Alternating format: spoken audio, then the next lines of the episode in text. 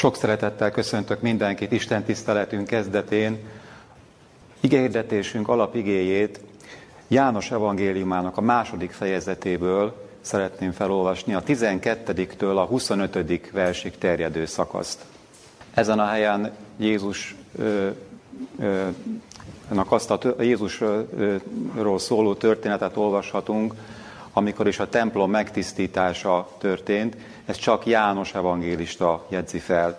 Kérem tehát, hogy lapozzunk ide a Bibliánkban, János evangélium a második fejezetéből, a 12. verstől olvasom az ige szakaszt egészen a fejezet végéig.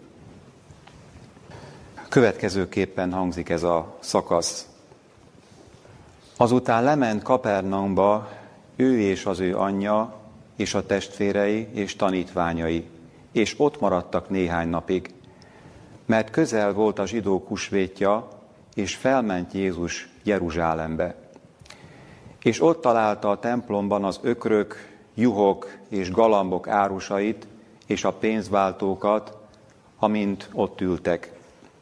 És kötélből ostort csinálván kiűzte minnyájukat a templomból, az ökröket is, a juhokat is, és a pénzváltók pénzét kitöltötte, az asztalokat pedig feldöntötte. És a galambárusoknak mondta, hordjátok el ezeket innen, ne tegyétek az én atyám házát kalmárság házává. Megemlékeztek pedig az ő tanítványai, hogy megvan írva, a te házadhoz való féltő szeretet emészt engem. Feleltek azért a zsidók, és mondták néki, micsoda jelt mutatsz nékünk, hogy ezeket cselekszed? Felelt Jézus, és mondta nékik, roncsátok le a templomot, és három nap alatt megépítem azt. Mondták azért a zsidók, 46 esztendeig épült ez a templom, és te három nap alatt megépíted azt. Ő pedig az ő testének templomáról szólt. Mikor azért feltámadt a halálból, megemlékeztek az ő tanítványai, hogy ezt mondta, és hittek az írásnak és a beszédnek, amelyet Jézus mondott. Amint pedig Jeruzsálemben volt husvétkor az ünnepen, sokan hittek az ő nevében, látván az ő jeleit, amelyeket cselekedett. Maga azonban Jézus nem bízta magát rájuk, amiatt, hogy ő ismerte minnyájukat. És mivel, hogy nem szorult rá, hogy valaki bizonyságot tegyen az emberről, mert magától is tudta, mi volt az emberben. Ahogy láthattuk, tehát ez a történet, a templom megtisztításának a történet, amit felolvastunk, ez az első megtisztítása a templomnak, ugyanis kiderül az evangéliumokból, ugye a másik három evangélium jegyzi ezt fel, hogy volt egy második megtisztítása is a Jeruzsálemi templomnak. Milyen érdekes, ugye úgy tűnik, hogy az a probléma, amit itt Jézusnak kezelnie kellett az első megtisztítás alkalmával, ez újra megjelenik majd később, évekkel később. Ezt a második megtisztítást egyébként Máté Evangélium a 21. fejezete jegyzi fel a legrészletesebben, ezen kívül Márk 11. fejezete és Lukás 19. fejezetében is megtaláljuk ezt a történetet, tehát fontos, hogy figyeljük, amikor ezeket olvassuk, ez már a templomnak a második megtisztítása. Amivel most szeretnénk foglalkozni, az tehát a templomnak az első megtisztítása, az csak itt található meg az evangéliumokban. Mi volt ennek a eseménynek vagy történetnek az előzménye? Ugye, ha végigfutjuk a tekintetünkkel János evangéliumának az első, második fejezetét, láthattuk, hogy mi minden történt eddig. Jézus keresztsége időszámításunk szerint 27 őszén az első tanítványok elhívása megtörtént már eddigre. A második fejezet elején egy híres, közismert történetet olvashatunk, ez a kánai menyegző története, és tulajdonképpen ehhez kapcsolódik szorosan ez a történetünk. Ugye a 12. 13. vers tulajdonképpen átvezetése átvezetés ebbe a másik történetbe, amit felolvastunk. 12. vers tulajdonképpen még az előző történetnek a része, de már bevezeti ezt a történetünket és a templomnak a megtisztítását. Tulajdonképpen itt arról olvastunk, hogy Jézus először Kánából Kapárnaumba utazik családtagjaival, tanítványaival, és néhány napos ott tartózkodás, ott tartózkodás után, ugye a húsvét is közeledik, Jézus felmegy Jeruzsálembe. Ez már 28 tavaszán van. A szöveg alapján úgy tűnik, mintha Jézus egyedül ment volna, nem tudom, megfigyeltük, ugye, mintha egyedül ment volna fel az ünnepre, később azonban kiderül, hogy a tanítványok is tanúi voltak a templom megtisztításának. Egyébként hozzátenném még, hogy ez volt az első húsvét, amióta Jézus megkezdte a nyilvános szolgálatát. Most nézzük meg a folytatásban azt, hogy az első kérdés, amivel szeretnék foglalkozni, hogy mit is talált Jézus a templomba érkezve. A 14. vers szeretnék visszatérni. Itt ezt olvastuk, és ott találta a templomban az ökrök, juhok és galambok árusait, és a pénzváltókat. Ugye ott ültek a pénzváltók is. Felmerülhet bennünk a kérdés, hogy hogyan kerültek ezek az emberek ide, hisz ugye itt egy templomról van szó, tehát egy Isten tiszteleti helyről van szó, akkor a árusok, a pénzváltók, mivel lehet mégis ezt magyarázni? Rögtön hozzá kell tennem azt, hogy látszólag nagyon is praktikus okok, vagy valós szükségletek vezettek az árusok és a pénzváltók megjelenéséhez. Tehát ezt ne ítéljük el gyorsan, hogy hát ez biztos valami nagyon rossz dolog, hogy hogy is illik ez ide egyáltalán. Volt ennek oka, Egyrészt, tehát két dolgot mondhatunk, a Jézus élete című könyv egyébként ír el részletesen, az egész történetről részletes magyarázat olvasható ott. Egyrészt ugye ott volt az áldozati állatok beszerzésének az igénye. Miért? Mert sokan nem tudtak magukkal hozni áldozati állatokat, ugye ez egy zarándok ünnep volt, a zsidók tömegei utaztak ide, és hát volt nyilván, aki magával tudott hozni egy-egy állatot, amik ugye elő voltak írva, de ezt nem mindenki tehette meg.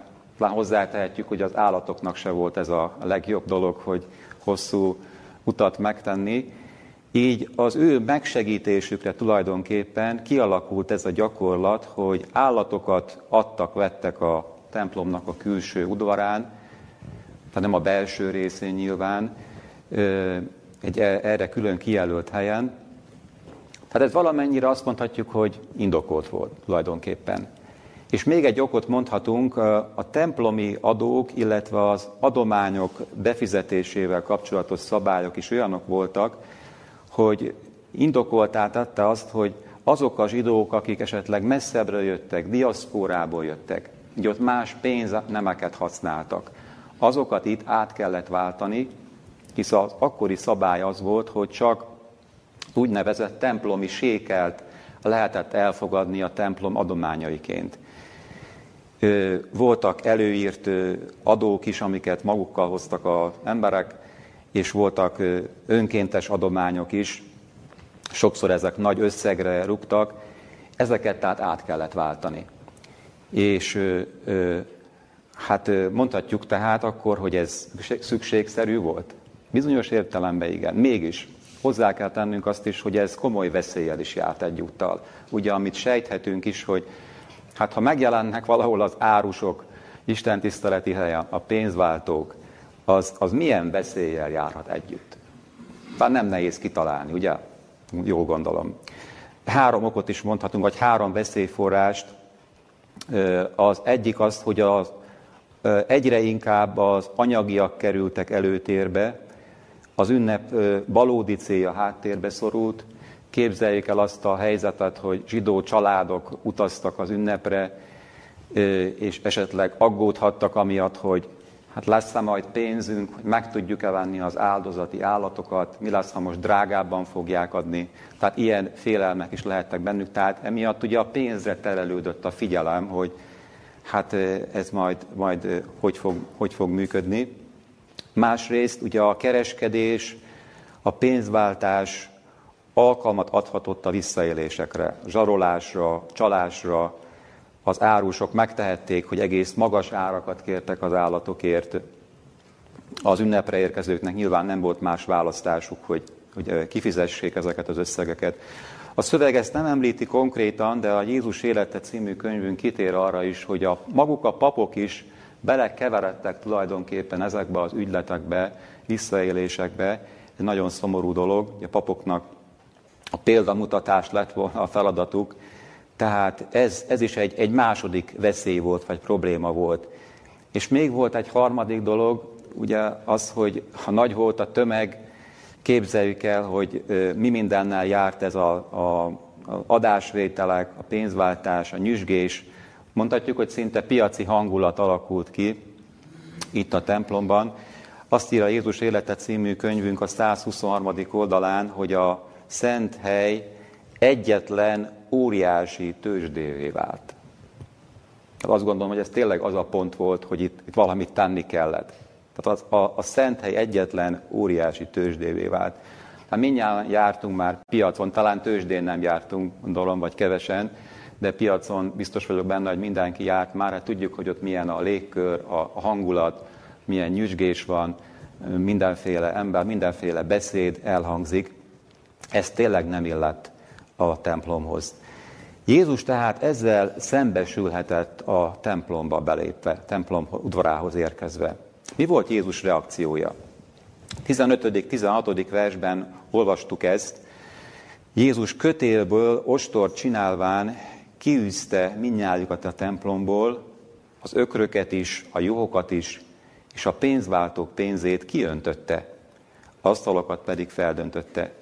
És a galambárosoknak mondta, hordjátok el ezeket innen, ne tegyétek az én atyámnak házát kalmárságnak házává.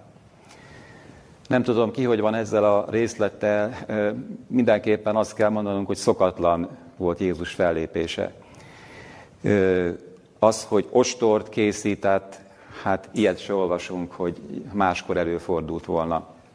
Az, hogy a pénzt a földre szórta Jézus, hogy asztalokat felborított, ez is úgy gondolom, hogy, hogy nagyon szokatlan Jézus személyét ismerve, a határozott hang nem, talán a kisé megemelt hang, hogy hordjátok el ezeket innen, ezt nyilván Jézus nem halka mondta, hiszen egy nyüzsgő tömeg, tömegben vagyunk, ahol azért ehhez a megfelelő hangerő is kellett, ugye ezt könnyű elképzelnünk.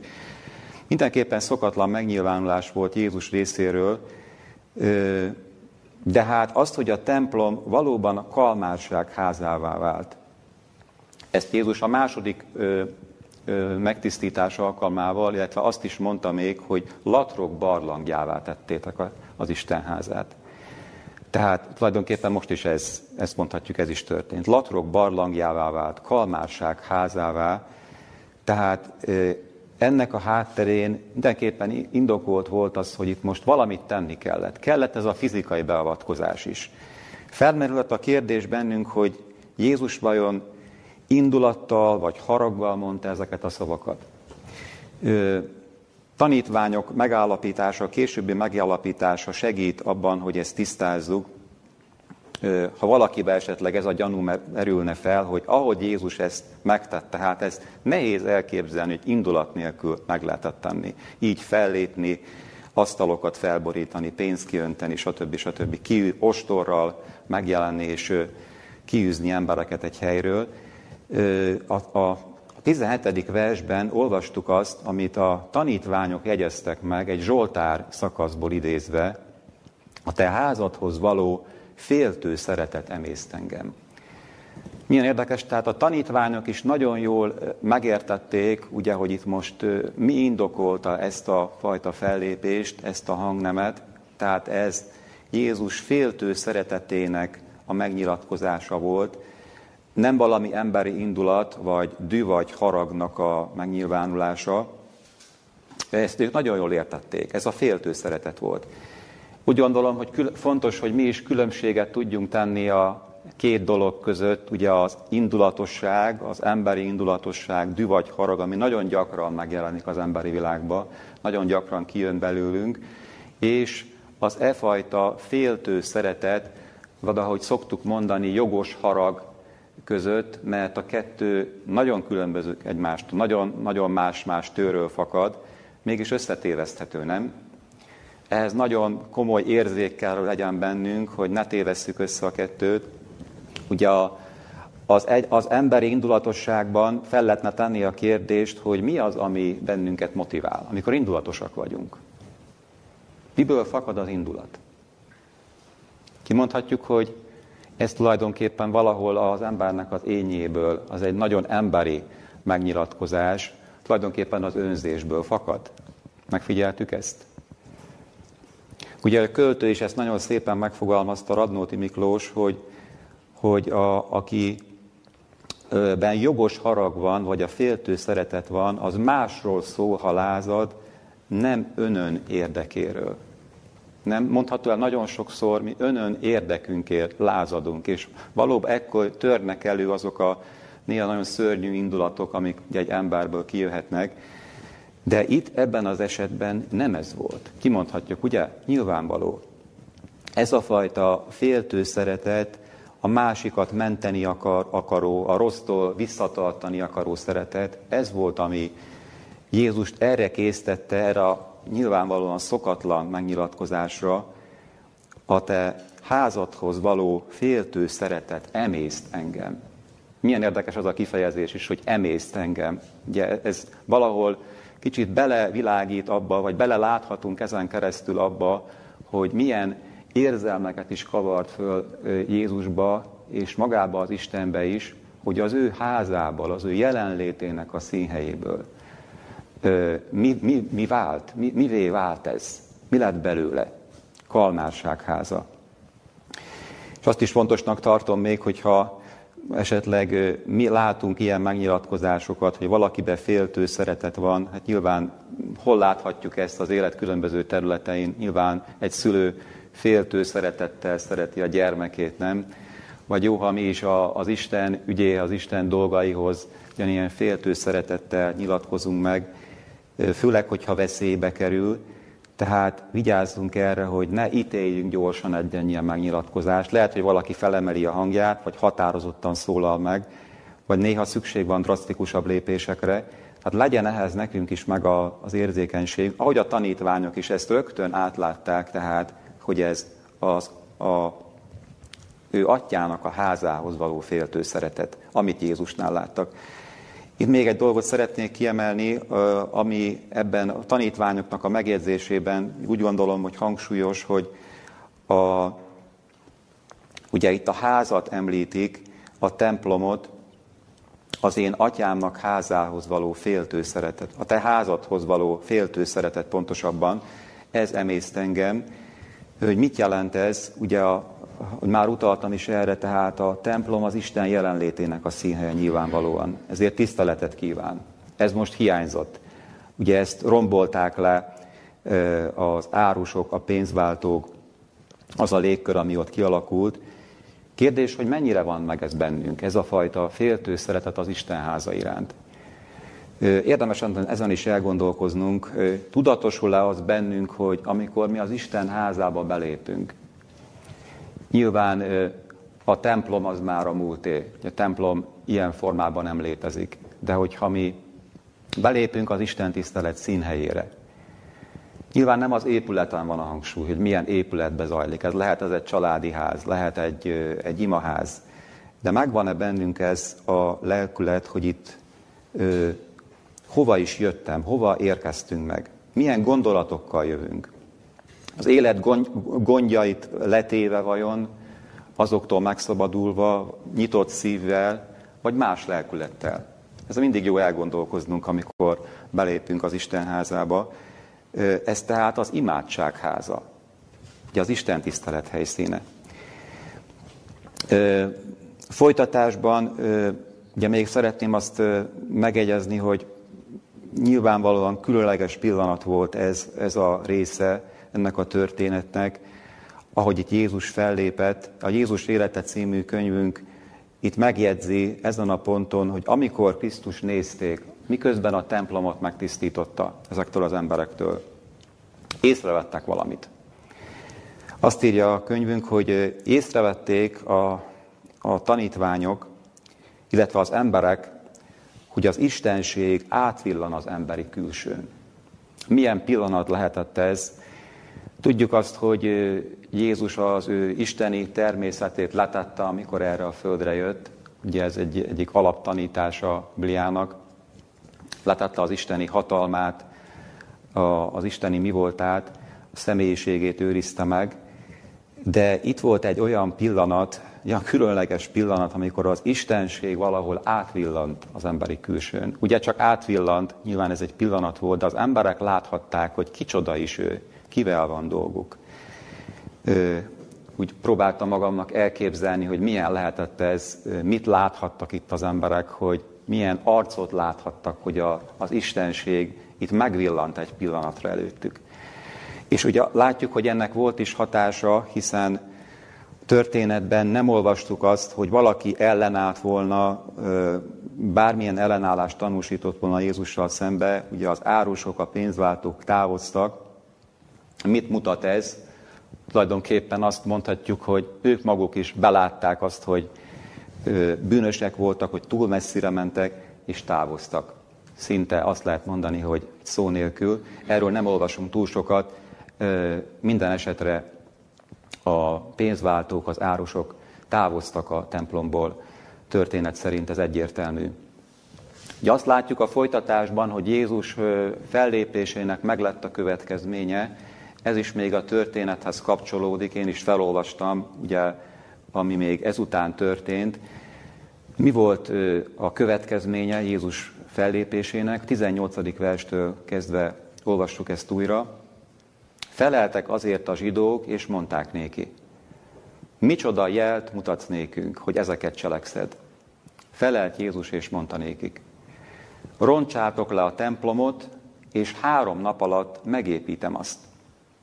Mondták azért a zsidók, 46 esztendeig épült ez a templom, és te három nap alatt megépíted azt. Ő pedig az ő testének templomáról szólt mikor azért feltámadt a halálból, megemlékeztek az ő tanítványai, hogy ezt mondta, és hittek az írásnak és a beszédnek, amelyet Jézus mondott. Látható az, hogy ez egy provokáció volt tulajdonképpen a zsidóknak a kérdése, micsoda jelt mutatsz nékünk, hogy ezeket cselekszed, mit gondolunk, hogy emögött valódi vagy őszinte kíváncsiság volt, hogy ők tényleg jelet akartak látni? Nyilvánvaló, hogy nem, ugye egyértelmű a, szöveg alapján. Okot kerestek Jézus ellen, kiderül az, hogy a, zsidók, a zsidó vezető tulajdonképpen már ezen a ponton, tehát fél évvel vagyunk Jézus szolgálatának a kezdete óta, tehát fél év telt el, itt már az ő megölését tervezik. Tehát ennek ilyen következménye lett, további jeleket kértek tehát a zsidók, de igazából csak okot kerestek ellene. Ezért Jézus nem is tett újabb jelet, legalábbis ekkor, hanem egy talányos választ adott a zsidók kérdésére. Ezt érdemes kicsit közelebbről megnéznünk, ugye, hogy mit jelent, hisz talán először, első olvasáson nem is értük, hogy mit jelent az, hogy Jézus mondott nekik, hogy roncsátok le a templomot, és három nap alatt megépítem azt. Ugye kiderül az később, ugye a szövegben is van erre magyarázat, hogy Jézus itt milyen templomról beszélt, ugye az ő testének templomáról szólt. Erre visszaemlékeznek majd a tanítványok, Jézus halála után, ugye a hitüknek a megerősítését is szolgálja ez, Ugye azt lehet mondani, hogy Jézus itt azért egyrészt utalhatott a zsidó istentiszteleti rend, az áldozati rendszernek majd a közelgő megszűnésére, de utalt saját halálára is. Érdemes megállnunk itt egy pillanatra, hisz Jézus itt azt mondja, itt a saját testére gondolt, roncsátok le a templomot, és három nap alatt megépítem azt. Ugye itt az ő testének a templomáról szól, tehát ott van a 21. versben ez az azonosítás, és ennek alapján itt meg kell állnunk egy pillanatra, és egy tanulságot le kell vonnunk, hisz felmerülhet az a kérdés, hogy minnyájunkra nézve igaz azt, hogy a testünk templom. Mondhatjuk ezt? Tehát Jézus ugye itt a saját testét ugye a templomhoz hasonlította. Tudjuk ugye a három nap és utalás arra, ugye a, ugye a halála és a feltámadása között eltelt időszakra, de tulajdonképpen kimondható az, hogy a mi testünk is templom. Nyilvánvaló, hisz ugye vannak ilyen igék is, amik erre utalnak. Szeretnék csak idézni egyet, a korintusi első levél, harmadik fejezet, 16. versét, ugye egy jól ismert szakasz. Mit olvashatunk itt? Ugye egy kérdést tesz fel itt Pálapostól. Nem tudjátok-é, hogy ti Isten temploma vagytok? És az Isten lelke lakozik bennetek? Nagyon érdekes kérdés, ugye? Tehát Isten temploma vagytok, Isten lelke lakozik bennetek. Rögtön fel kell tennünk azt a kérdést is, hogy ennek milyen gyakorlati következményei vannak, hogyha ezt elfogadjuk. Tulajdonképpen a testünk, a Szentlélek lakhelye. Ezen a ponton szeretném megemlíteni azt a tényt, hogy a, az egészségügyi reform, ugye ezt a kifejezést szoktuk használni, ez szinte már 200 évre tekint vissza. Azért mondhatom ezt, mert hogyha figyelembe vesszük azt, hogy az advent mozgalomnak a kialakulás előtt is voltak olyan emberek, akik az egészségi reformnak egyes elemeit már kezd, kezdték hirdetni a 19. század első felében, már 20-as évektől kezdve Ilyenre gondolhatunk, mint Sylvester Graham, vagy Alcott, vagy Trall. Nem annyira ismert nevek ezek, talán Grahamot kivéve, akit azért, akinek a nevéről mindenki hallott. Tehát elindult egy egészségreform mozgalom, és ugye később az advent mozgalom pedig Ellen Goldwhite látomásai folytán még magasabb szintre emelte ezt az egészségügyi reformot.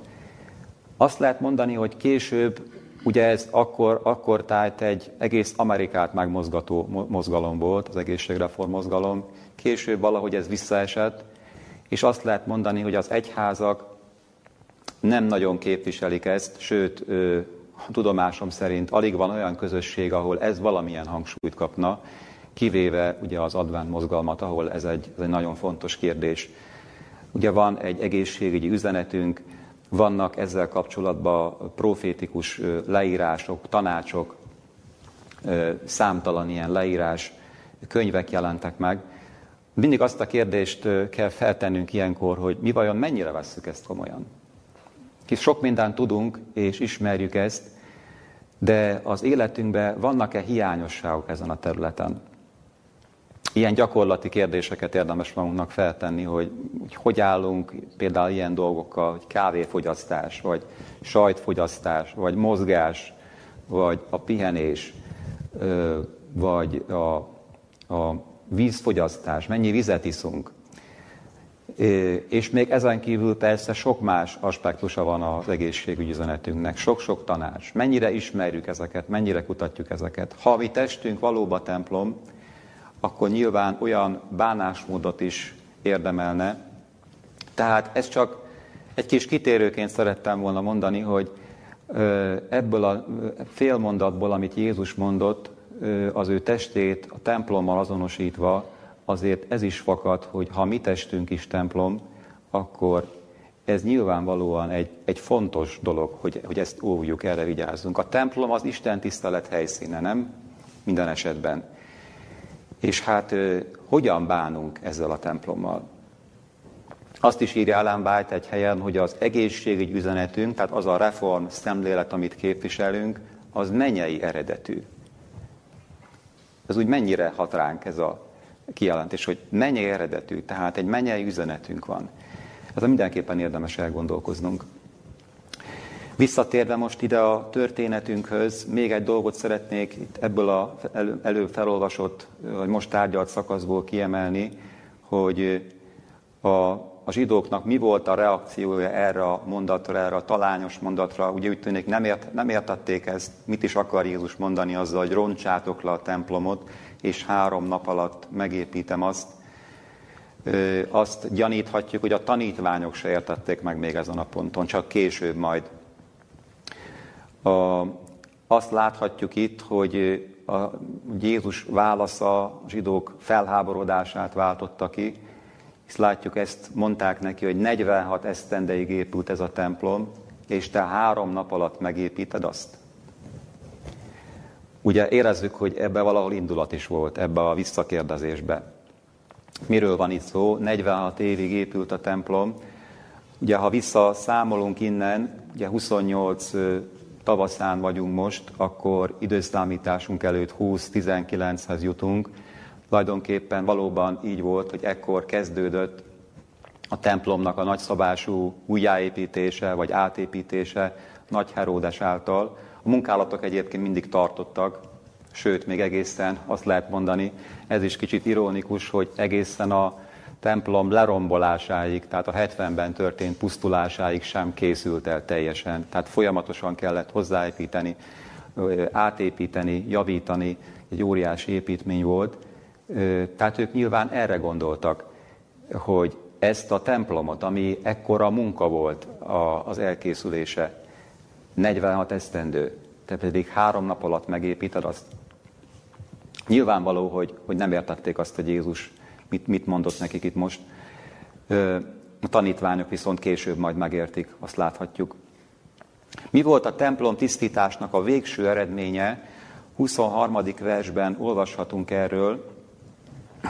Lett ennek azért eredménye, azt mondhatjuk, amint pedig Jeruzsálemben volt husvétkor az ünnepen, sokan hittek az ő nevében, látván az ő jeleit, amelyeket cselekedett.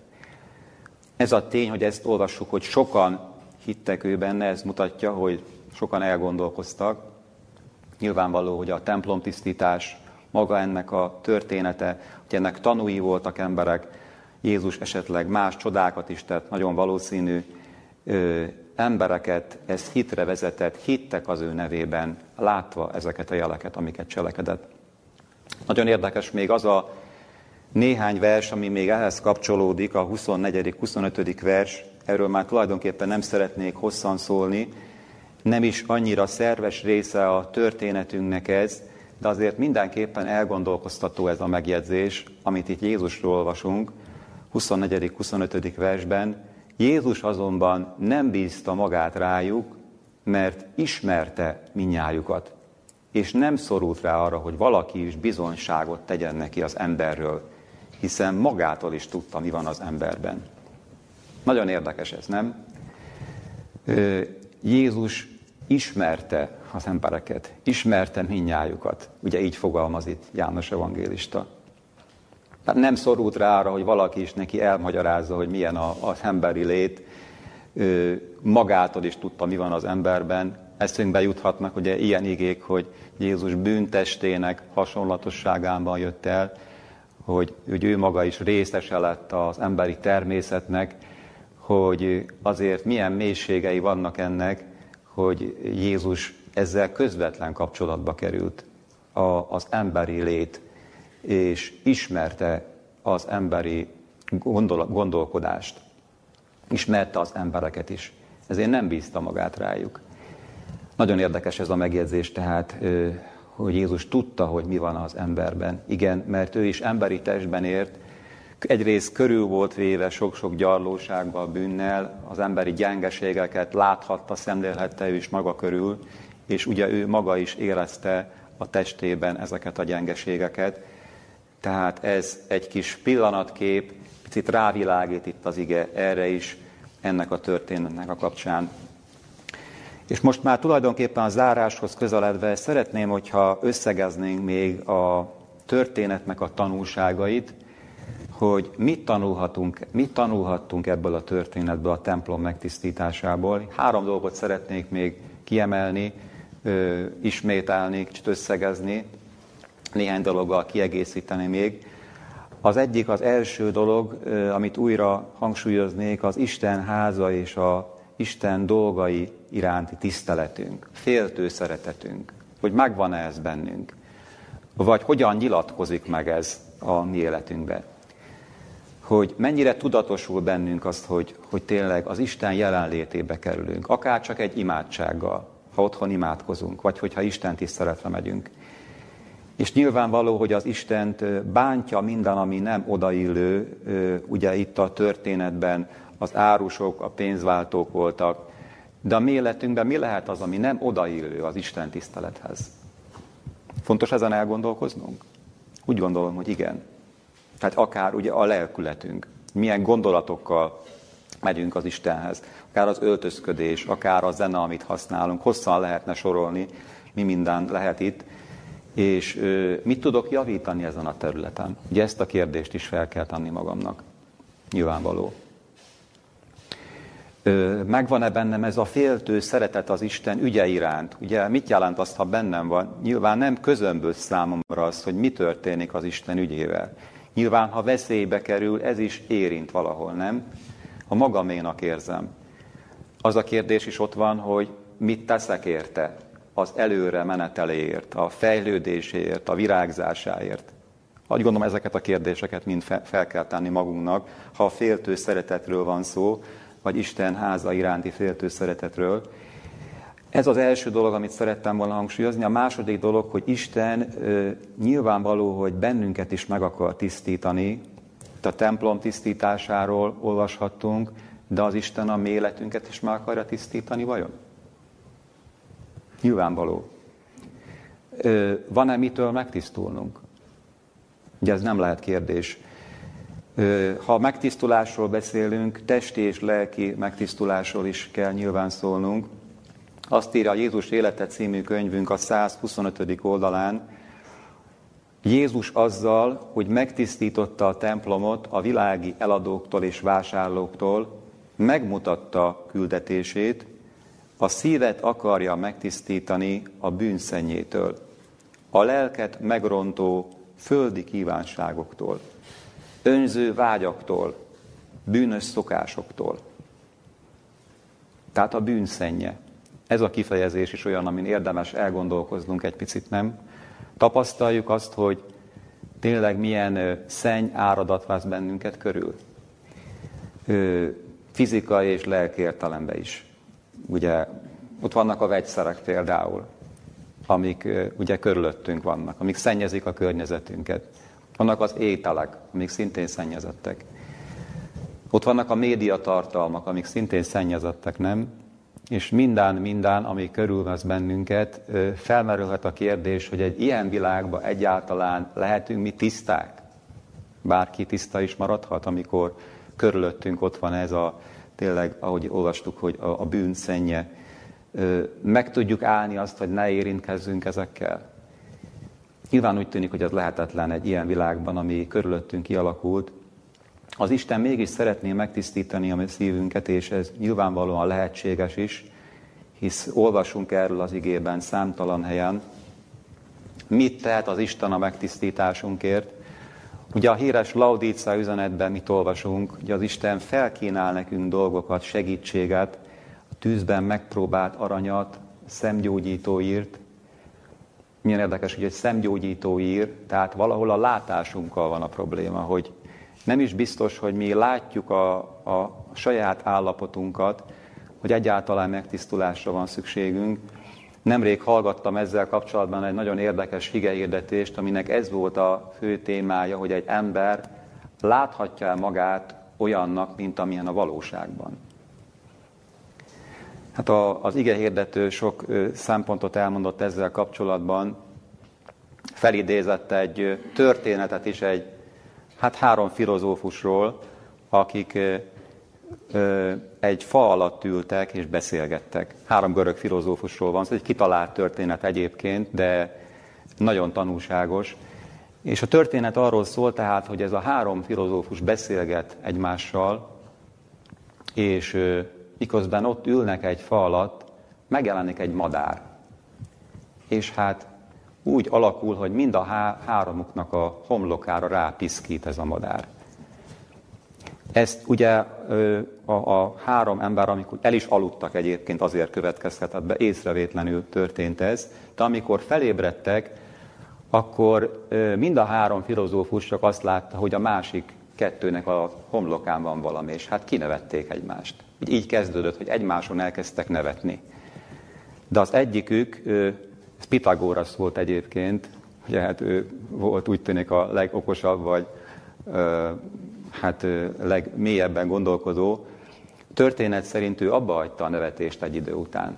Miért? Végig gondolta logikusan, hogy ha a másik két filozófus, ők egymáson nevetnek, de hát mind a kettőnek a homlokán ott van. Ez a madárpiszok. Akkor valószínűleg az enyémen is ott van. És rájött arra, hogy, hogy tulajdonképpen hiába nevet a másik kettőn, ő rajta is ugyanaz van, tehát felismerte önmagát, és a történet arról szólt tulajdonképpen, hogy milyen nehézségbe ütközünk akkor, hogyha mi magunkat szeretnénk meglátni, mert magunkat nem látjuk nyilvánvalóan. De mi segíthet ebbe, hogy mi magunkat abba az állapotba lássuk, amiben vagyunk. Nyilvánvalóan a tükörben nézünk, és ez a tükör csak az Isten igéje lehet, aki belenéz az Isten törvényének a csodálatos tükrébe, amiben megláthatjuk a magunk állapotát. Ö, tulajdonképpen tehát önvizsgálatra is szükség van ahhoz, hogy mi egyáltalán felismerjük azt, hogy az életünkben van valami szennyeződés, amit ki kell tisztítani onnan az Istennek. És ö, ehhez nyilvánvalóan önvizsgálatra szükség van. Kérdés, hogy erre fordítunk elegendő időt. Az Isten nem tör be a mi életünkbe erőszakkal. A templomnak a megtisztítása van egy, egy drasztikusabb beavatkozást tükröz, nem? Nem is történt ilyen sokszor, csak két alkalommal. Várhatjuk azt, hogy a mi életünkben is így fog megjelenni az Isten? Kiűzi a pénzváltókat, vagy az árusokat? Hát ebben ne reménykedjünk, mert ugye ez nem így történik egyénileg, ugye egy teljesen más eset volt a templom megtisztítása, Mit olvasunk Jézusról, hogy hogyan közeledik hozzánk? Szintén a Laudícia üzenetben láthatjuk ezt. Az ajtó előtt árok és zörgetek. Tehát ez az Isten közeledése hozzánk, nem erőszakkal, hanem így, hogy kopogtat, ajtó előtt, előtt, ajtó előtt állok és zörgetek, és nyilvánvalóan az már a mi részünk, a mi felelősségünk, hogy ajtót nyitunk el, hogy el tudja végezni az ő megtisztító munkáját. És még befejezésként egy harmadik szempont is, ugye eddig az egyéni megtisztulásról beszéltünk, Nyilvánvaló, hogy ez nagyon fontos, a testi és a lelki megtisztulásunk, de nem elhanyagolandó a harmadik dolog is, hogy a, mondhatjuk, hogy az Isten szándék az, hogy bennünket ne csak egyénileg tisztítson meg. Nagy dolog, hogyha ez megtörténik de úgyis, mint közösséget, mint egyházat. Szeretne megtisztítani bennünket az Isten. Ezt olvassuk az igében is, például az Efézusi levél 5. fejezetében. Krisztus is szerette az egyházat, olvassuk az 5.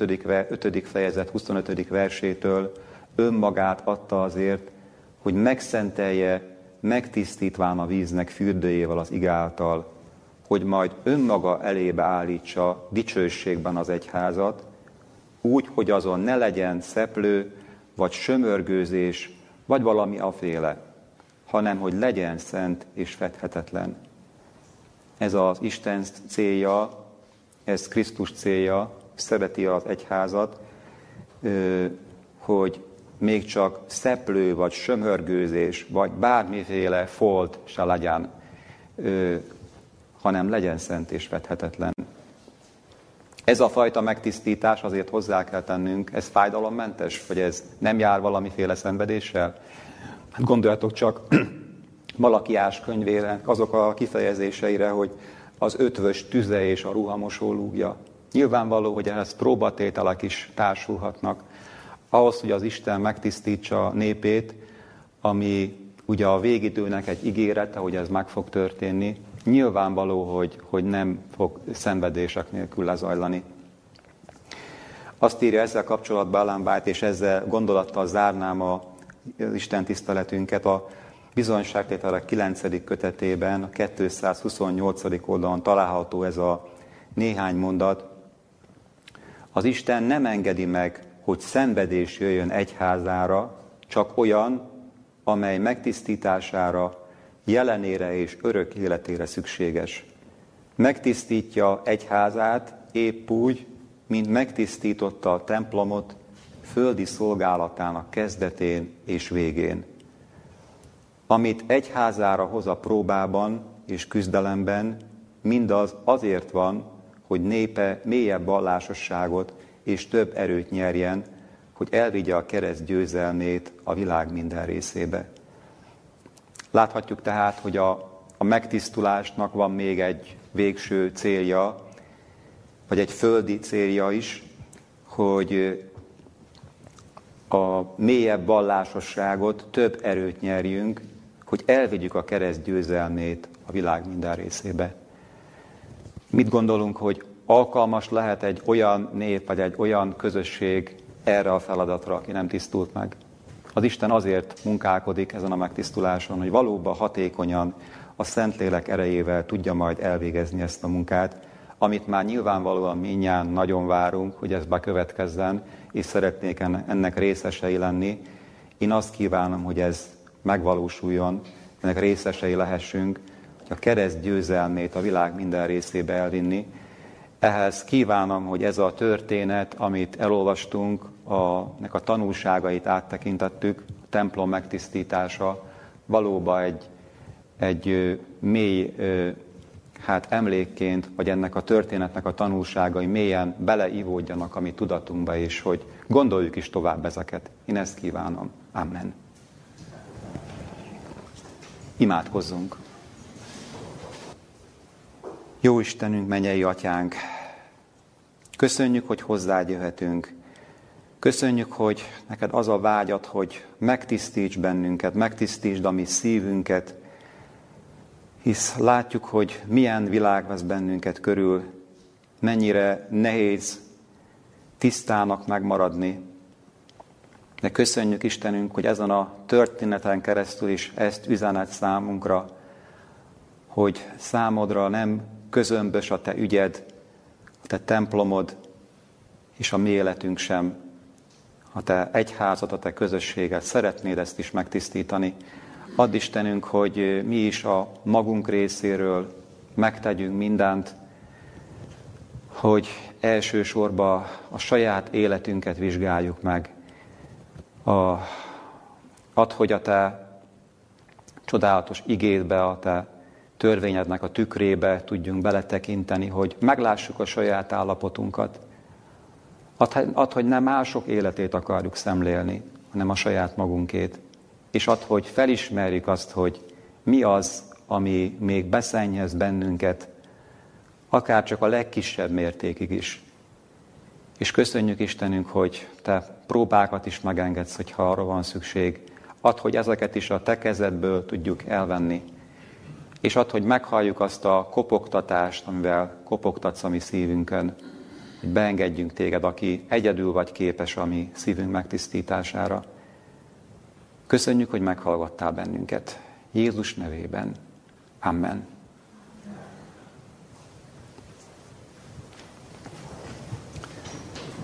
Isten tiszteletünk végén most keressük meg és énekeljük el a 187-es számú éneknek mind a három verszakát.